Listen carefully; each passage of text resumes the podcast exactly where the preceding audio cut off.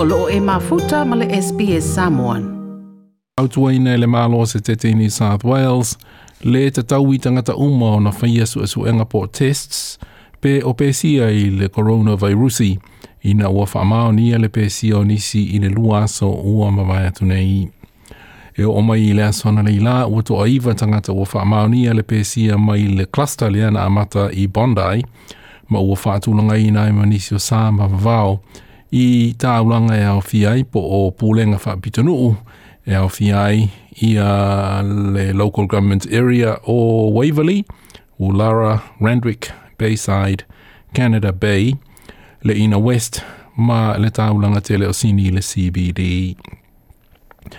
Ua wha mālo sia le whaia ufi fōlinga i feo inga whaitele i pasi ma trains, i mawaa ia manofoanga o fale ainga manofoanga o E ui le i le to alua se o tangata na whaia tests i le asona nafi, a ena le Chief Health Officer New South Wales, Dr. Kerry Chant, e mana le lata i le lima se fuluafe tangata po le i le whaalua i nātu, i le tasi e te whaia tests. So we've had a couple of the cases that have clearly been in Bondi Junction at the time and around the, the time that the infectious cases were, but we haven't actually been able to capture that CCT moment where they've inter intersected.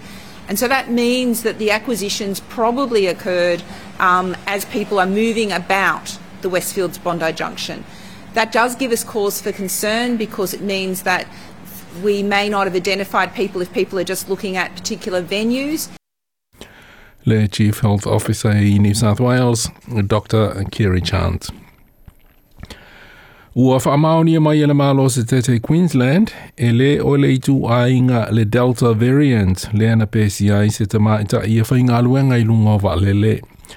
E se fulmal whaasona tau si pui pui ai le nei tamaita i ilalo o le hotel quarantine, ae muli muli ane whaamaonia le pesi ai le coronavirusi ina na ua toe whaia se isi ana test.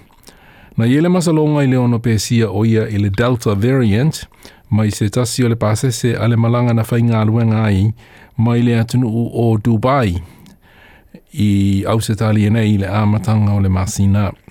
O loo whaia nei su asu inga i no fuanga na siasi iai le nei te maetai, e au fia le DFO i le malewa lele le Brisbane, ma le tau langa tele o Brisbane, le Brisbane CBD. O le a amata i se te mila ta mai o na whaia whātai ta inga po trials o se waila au pui pui se vaccine na ngau sia lava i au se taliana i. O le vaccine na ngau sia ele Monash Institute of Pharmaceutical Sciences ma ua whaalia ele malo o se te teo vitoria le amata lia o whātai ta inga i le whaai unga o le tausanga nei e lima se fulu miliona ta alana fa anganga ina malo se tete o Vitoria mō ne ne ngā nuenga ma ana saunoa le sui pāle mia se tete James Merlino e malo si ilona talitonunga o le amana o miepea pea e le atunuu vaccines mō le pui puia o le pepesi o le COVID-19 se fulu maleiva i se teimi umi. But the bottom line is we can never ever be in a situation where in the face of a pandemic – we do not have local capability uh, in terms of developing vaccines. Uh, we, do, we do not ever want to be in a position where, where we are 100% reliant on global supply of vaccines. And that's why today is such a critical step forward. Le sui palemia, mo le whainga malo te tete i Vitoria, James Molino. toe fa whaafafonga i nisi tala whaapea? Whaafafonga i le Apple Podcast, le Google Podcast, Spotify, ma po o whea lawa e mawailau podcast.